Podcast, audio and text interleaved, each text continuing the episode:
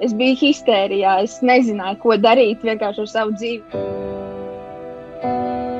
Diemžēl man bērns mani noraida, un ir tā, ka es pateiktu pie psihiatra, ka vispār es jūku prātā un visa ģimene jūku prātā. Un... Tāpat es bioloģiski būtu, un tam katram tas limits ir lūst visi. Tikai atkarībā no cik liels, liels tas sloks ir. Un...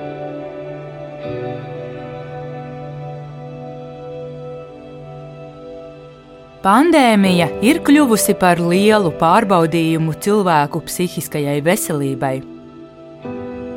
Vēl pirms sērgas saņemt palīdzību krīzes brīdī Latvijā nebija vienkārši. Runāt par savu mentālo veselību gandrīz tabū, un tā visa rezultāts - nelaimīgas dzīves un augsti pašnāvību rādītāji.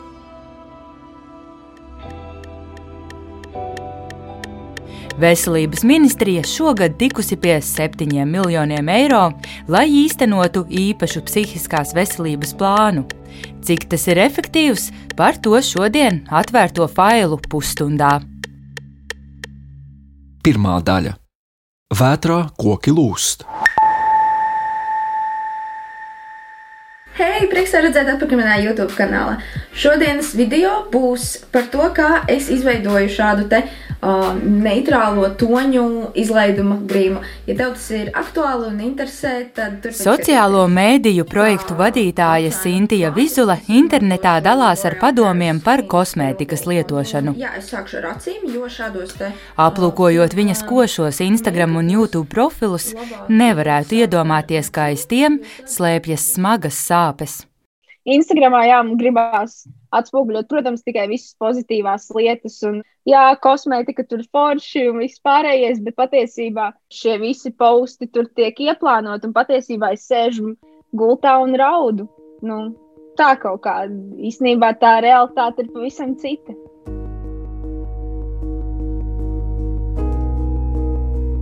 Sintija uzreiz piekrita pastāstīt par savām psihiskās veselības problēmām un ilgo ceļu uz to apzināšanu. Tieši pirms pandēmijas viņa zaudēja darbu, un tā meklējumos bija visu iepriekšējo gadu. Bezdarbs viņas emocionālo stāvokli pasliktināja, taču būtiskākie cēloņi meklējami senāk, pusauģu gados. Es piedzīvoju emocionālu un fizisku vardarbību ģimenē. Attiecīgi, tas uzreiz nāca ārā kaut kur skolā ar attieksmi. Un, um, es arī sūdzējos pie skolas psiholoģijas, kad lūk, man neiet īsti skolā tādēļ, ka man ir šīs problēmas ģimenē. Bet uh, skolas psiholoģija, laikam, labu gribēdam, viņi sazinājās ar maniem vecākiem. Un, tas noved pie tādas situācijas, kad nu, mājās dabūju trīsreiz stiprāk. Tā, tas bija tas, kad es sajūtu to, ka īsti nevaru baigi uzticēties cilvēkiem un um, vienkārši ir kaut kā jāsamierinās ar to situāciju. Un tik līdz paliks 18 gadi, tā iešu prom no vecākiem. Nu, tādas tipiskās pusauģu domas. Sintīna ar slikto pašsajūtu samierinājās arī vēlāk. Grūtības koncentrēties darba vietās un garastāvokļa maiņas norakstījusi uz to, ka tāda vienkārši ir sieviešu daba, līdz nonāca zemākajā punktā. Es uh, arī nonācu pie pamatīga tāda tā breakdowna, kad nu, es biju histērijā. Es nezināju, ko darīt vienkārši ar savu dzīvi. Lūk, esmu kārtējā reizē pazaudējusi darbu un uh, es nezinu, kā tālāk dzīvot. Un, uh, Tad es arī vērsos pie savas ģimenes ārsta, jo es, nezinu, nu, es zināju to, ka pie psihiatra pierakstīties bez maksas un jebkurā laikā, bet uh, es sapratu, to, ka man vajag kaut ko vairāk kā vienkārši psihiatru. Ģimenes ārste iekārtojusi ambulatorā centra Veldres dienas stacionārā. Mēnesi katru dienu Sintīna apmeklēja dažādas grupu un individuālās nodarbības pats pats svarīgākais ir tas, ka es biju atvērta tam. Es gribēju mainīt kaut ko.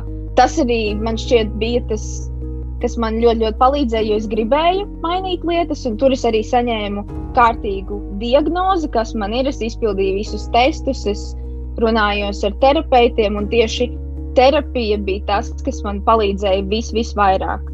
Tieši šī runāšanās un izrunāt un fiziski paņemt priekšmetu un aizmest savas kaut kādas problēmas, kas ir vilkušās gadiem līdzi.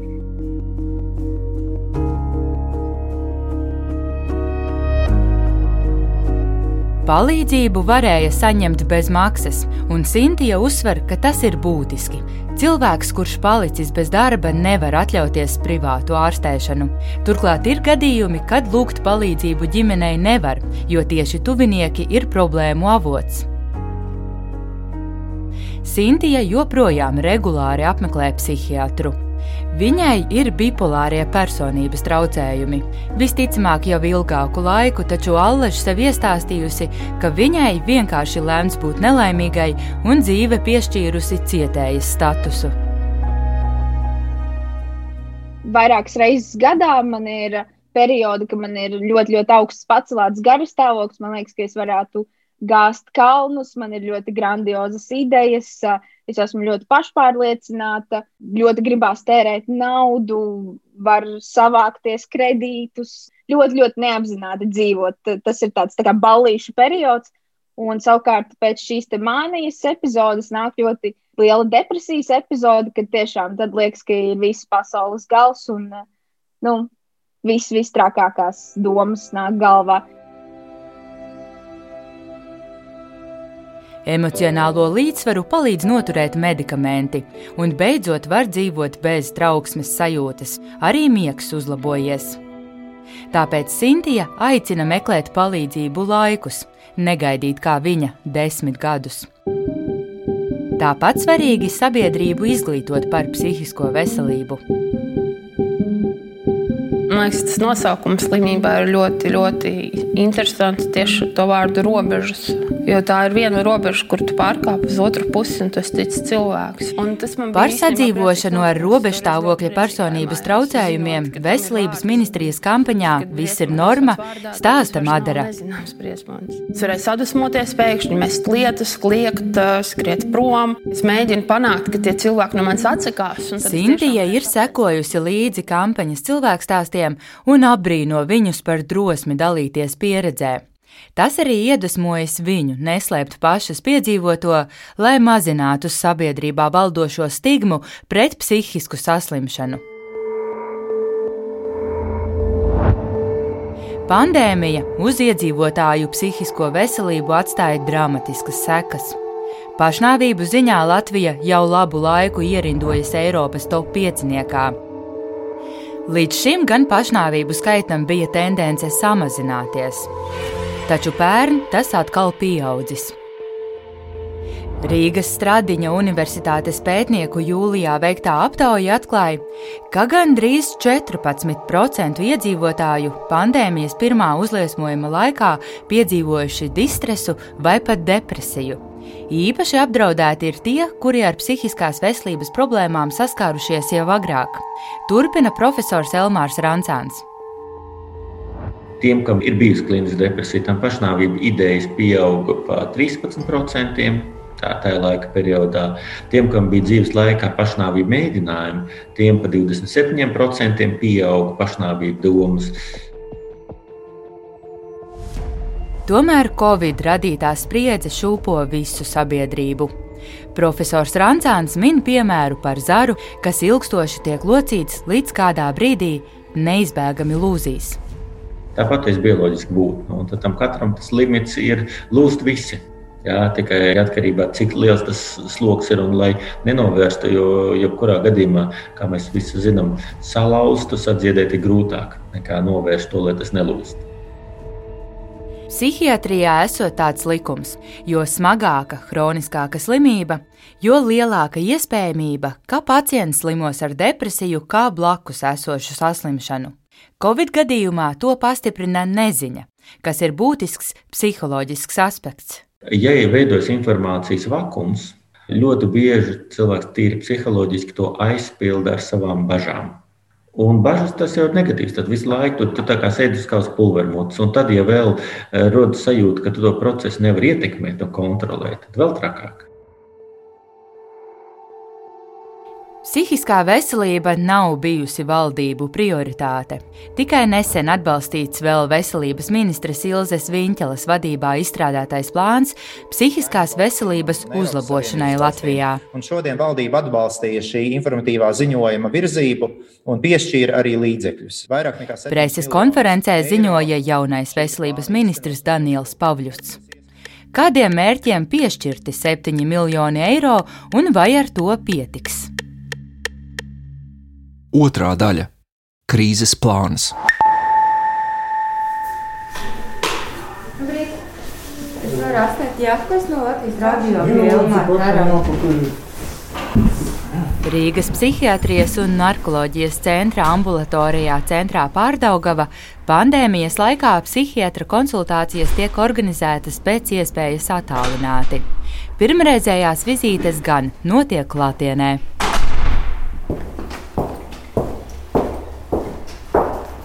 Pirms deviņiem no rīta šeit veidojas neliela pacientu rinda.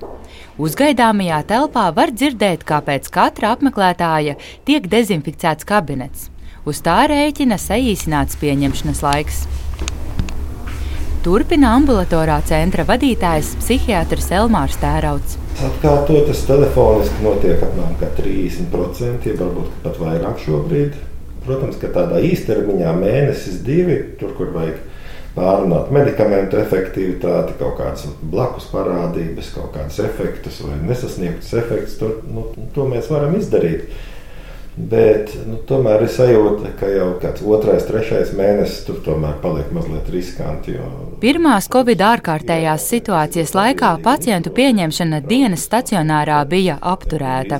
Šobrīd stacionāram ļauts darbu turpināt. Jo ir liels cilvēku daudzums, kam ir nepieciešama šī intensīvā ārstēšanās un psihiatriskā rehabilitācija, un darbs ar klīnisko psihologu, ar mākslu terapeitiem, ar fizioterapeitu, ar ergoterapeitu.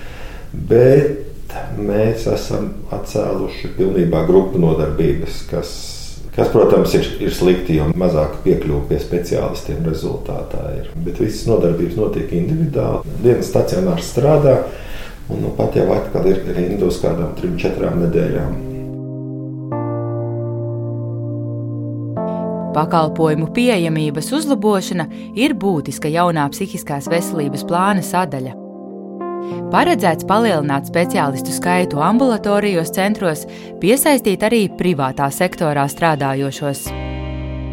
Gandrīz 2 miljoni šogad atvēlēti bezmaksas konsultācijām, kuras pacients varētu saņemt ar ģimenes ārsta nosūtījumu.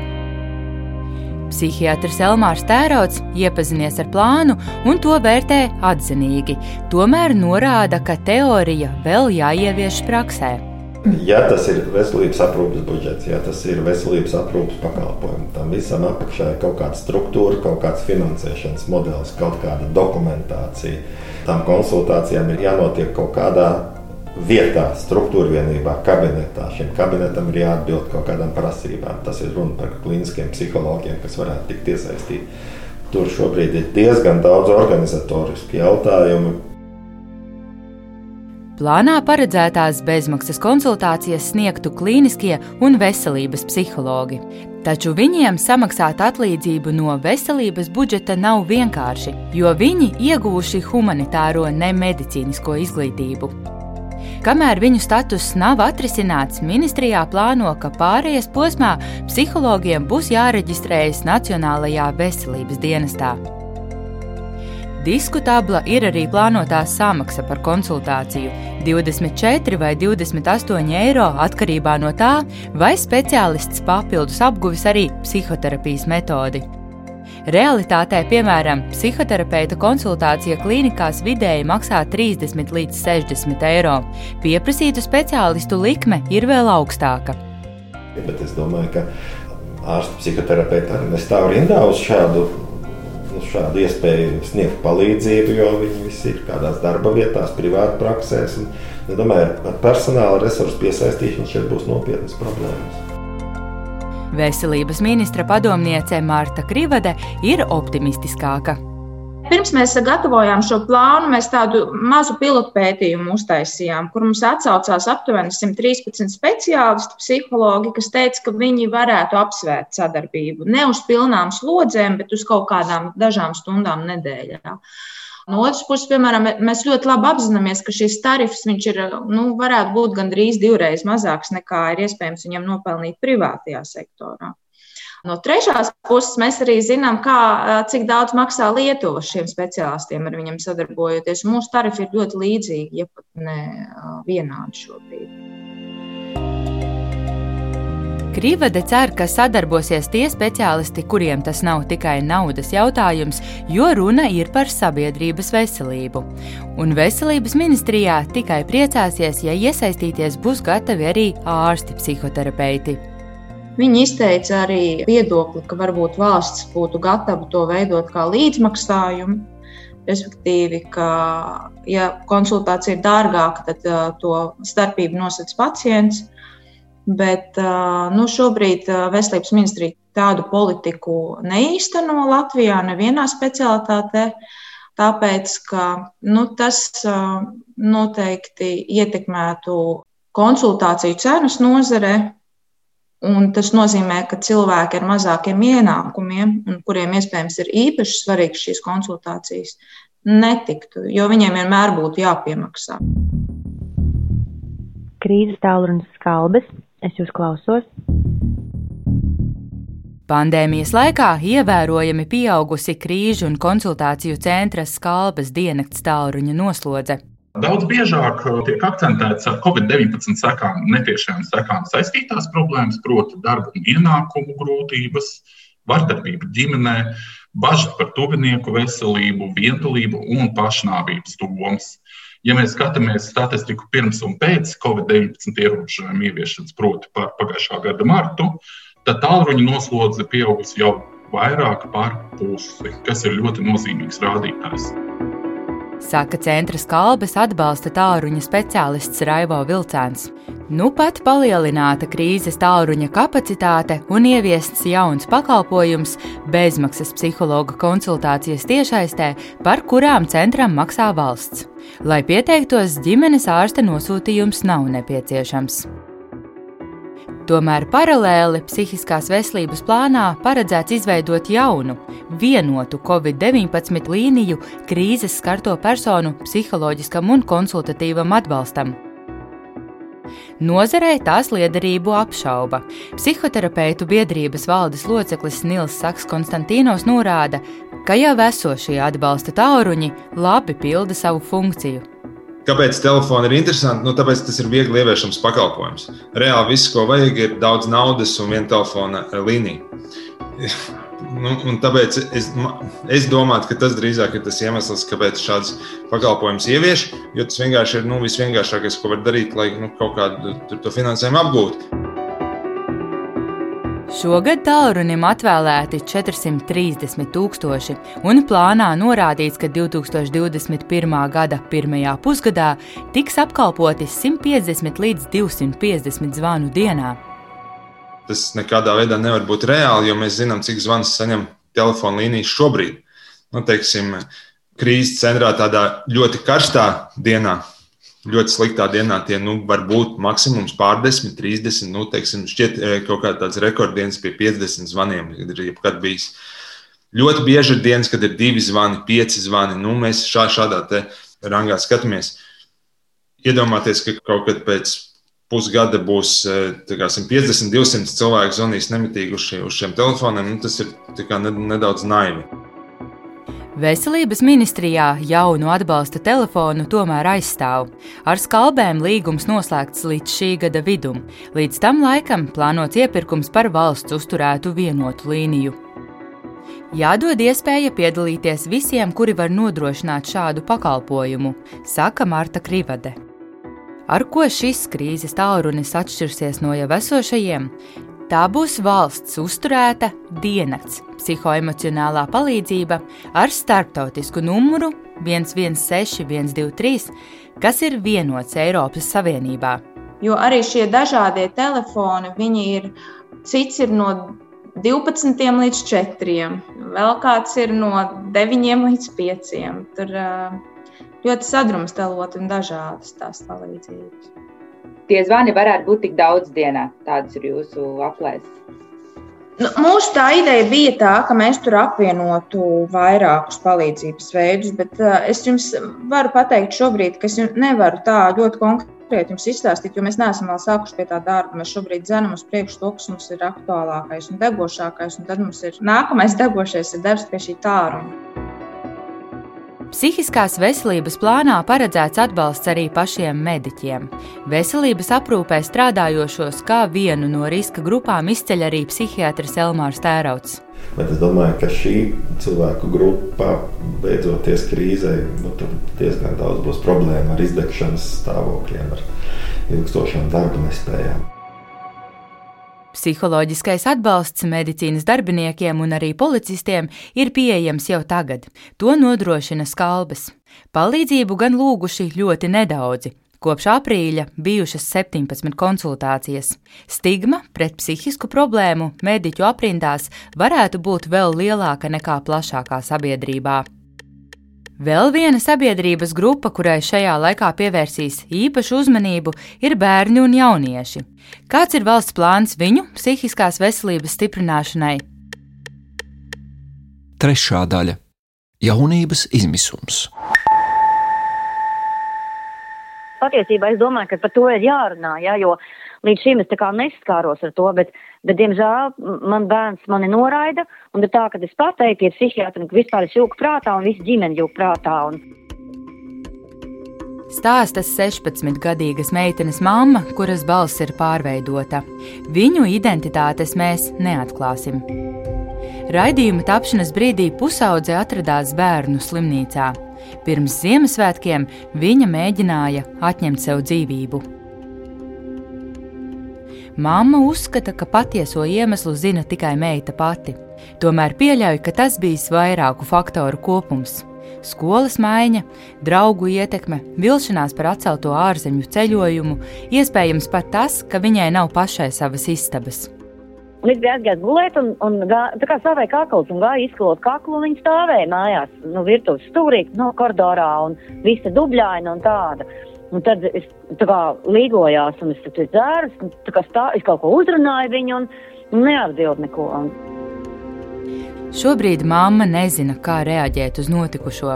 Uz mājām doties meita nevēlas, taču tuvojas brīdis, kad viņu no slimnīcas izrakstīs, kā rīkoties tālāk. Ārsti ieteikuši kognitīvi behaviorālo terapiju. Tas ir maksas pakalpojums, turklāt pilsētā, kur ģimene dzīvo, tas nav pieejams. Ir tas pusauģis resursu centrs. Nu, es tur visu laiku zvanu, zvanu, zvanu, vai nu, kā. Un tam viņi teica, ka eh, viņi var spēt palīdzēt. Nu, ja nedēļa iepriekš zina, ka viņi laiž ārā, tad viņi palīdzēs. Bet, ja man izlaiž ātrāk ārā, es nezinu, nu, psihiatri, psihologi, psihoterapeiti, man ir jāmeklē pašai pa valsti uz jūniju. Es varu tikt, dabūt kaut kādu akteri. Līdz tam laikam viņi var paspēt vēl, vēl desmitreiz izstāstīt nākošo pašnāvību. Ja? Arī par maksu ir tie psihiatri ir jāgaida divas mēnešus kā minimums. Un maksa ir 80 eiro. Plus jau tā ir Rīga. Man ir jābrauc uz Rīgu. Bērnu psihiatrijas klīnikas vadītāja Laura Čevere stāsta, ka slimnīcā nepietiek resursu, lai nodrošinātu atbalsta terapiju arī bērnu vecākiem. Tomēr mediķi sniedz rekomendācijas, kā tālāk rīkoties. Zelta recepti gan neviens nepateiks. Man te tagad arī viens tāds pacients ir arī bija decembrī un tagad nonāca pēc atkārtot pašnāvības mēģinājumu, jā, un ar visu to, kad arī tur iet uz pusauģu resursu centru un visur, kur, jā. Tā kā, nu, nu, tā, tāds, ka, nu, ja, ja, ja viņš obligāti tiks tur kaut kādā programmā un uzreiz ies pie psihologa, pateiks, ka, nu, ka tā ir garantija, ka nekas tāds neatkārtosies, arī tā nav. Ja nepieciešama kompleksa palīdzība, bērns var turpināt ārstēties dienas stacionārā, bet katrs gadījums jāvērtē individuāli. Nav jau arī tā, ka obligāti, obligāti vienmēr tikai tas kognitīvi behaviorālais. Ir jau arī iespējas citas tādas psihoterapijas, bet nu, par reģioniem nu, mums diemžēl tā ir jā, kad Rīga un Pierīga tas, tas jā, bet no ārpus Rīgas ir tā situācija diezgan tāda pašāka. Ārste novērojusi, ka šobrīd stacionārā nonāk ļoti daudz pusauģu. Arī pētījumi rāda, ka vairāk nekā 70% jauniešu pandēmijas laikā bijušas psihiskās veselības problēmas. Veselības ministrijas plāns paredz paplašināt bērnu slimnīcas fonda izveidoto pusauģu resursu centra kapacitāti un līdz gada vidum attīstīt filiāles reģionos - Liepājā, Daugopilī un Valmierā. Padarīt pieejamāku centra īstenoto valsts apmaksāto programmu depresijas un pašnāvības risku mazināšanai. Šobrīd uz to rindā gaida 20 jauniešu. Mentālā veselība sastāv no ļoti dažādām lietām, un jauniešu vajadzības ir ļoti, ļoti dažādas. To nevar noklāt viena veida psihologa konsultācijas, lai cik daudz mēs viņus arī sniegtu, vai cik daudz tur ielikt. Psihoterapeits Nils Saks Konstantīnos, kurš šobrīd vada privātu pusauģu un jauniešu psihoterapijas centru, kritizē, kāpēc līdzekļi piešķirti tikai vienam pakalpojumu sniedzējam, bērnu slimnīcai, un vienam konkrētam projektam, kas paredzēts salīdzinoši mazam bērnu skaitam, depresijas un pašnāvības risku mazināšanas programmai. Tas ir pilnīgi droši zināms, ja mēs runājam par jauniešu mentālo veselību, ka tās lietas, kas palīdz, ir diezgan vienkāršas. Mums nevajag augsti kvalificētus speciālistus, lai nodrošinātu lielākajam absolūtam vairākumam šo palīdzību. Absolūti mums nevajag vest lielāko daļu aiz rokas uz psihologu kabinetu. Mums nevajag vēl mazāk, mums nevajag viņus vest uz slimnīcām un, un, un citām lietām. Ja mēs varam ar viņiem runāt skolās, mēs varam runāt ģimenēs, mēs varam runāt, kā jūs teicāt, skolu psihologu kabinetos, vietās, kur viņi pulcējās, piemēram. Tas ir tas, ko nozīmē eh, sabiedrībā balstīts pakalpojums. Pakalpojums, kas veidojās nu, tajās vietās, kur tie jaunieši ir. Būtiski izglītot pašus bērnus mentālās veselības profilaksē, lai viņi varētu palīdzēt paši sev un saviem draugiem. Jo jaunieši bieži vien palīdzību meklē nevis pie pieaugušā, bet viens pie otra arī godīgi jāpasaka, šis pandēmijas plāns ļoti labs, bet tas nav pandēmijas plāns. Nu, būsim godīgi. Mums vajag e, kaut kādu ļoti konkrētu pandēmijas plānu tieši šobrīd. Veselības ministra padomniece Mārta Krivade kritikai atbild, ka pusauģu mentālā veselība ir visu kopējā atbildība. Jo patiesībā veselības ministrija šos pusauģus ļoti, ļoti negrib redzēt savās iestādēs. Jo jūs saprotat, ka tā jau ir lielākoties pazīme, ka kaut kas nav bijis kārtībā prevencijā. Un tas, kas notiek uz skolās, tas, kas šobrīd notiek mājās, tiem bērniem pusauģiem, kam nenotiek klātienes mācības, tā ir mūsu visu atbildība, nevis tikai veselības ministrijas atbildība. Es domāju, ka tas būs jautājums, ko tad būs jārisina kopīgi. Nu, es nenovēlu nevienam pusaudzim līdz šai mūsu profesionālajai palīdzībai nonākt. Vai miljonus psihiskās veselības aprūpei izmantos jēgpilni, to rādīs laiks.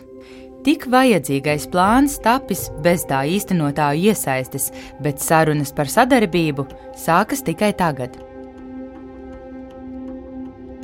Raidījumu veidoja Baiva Runce, Anita Brauna un Nora Mitspapa. Atvērtie faili!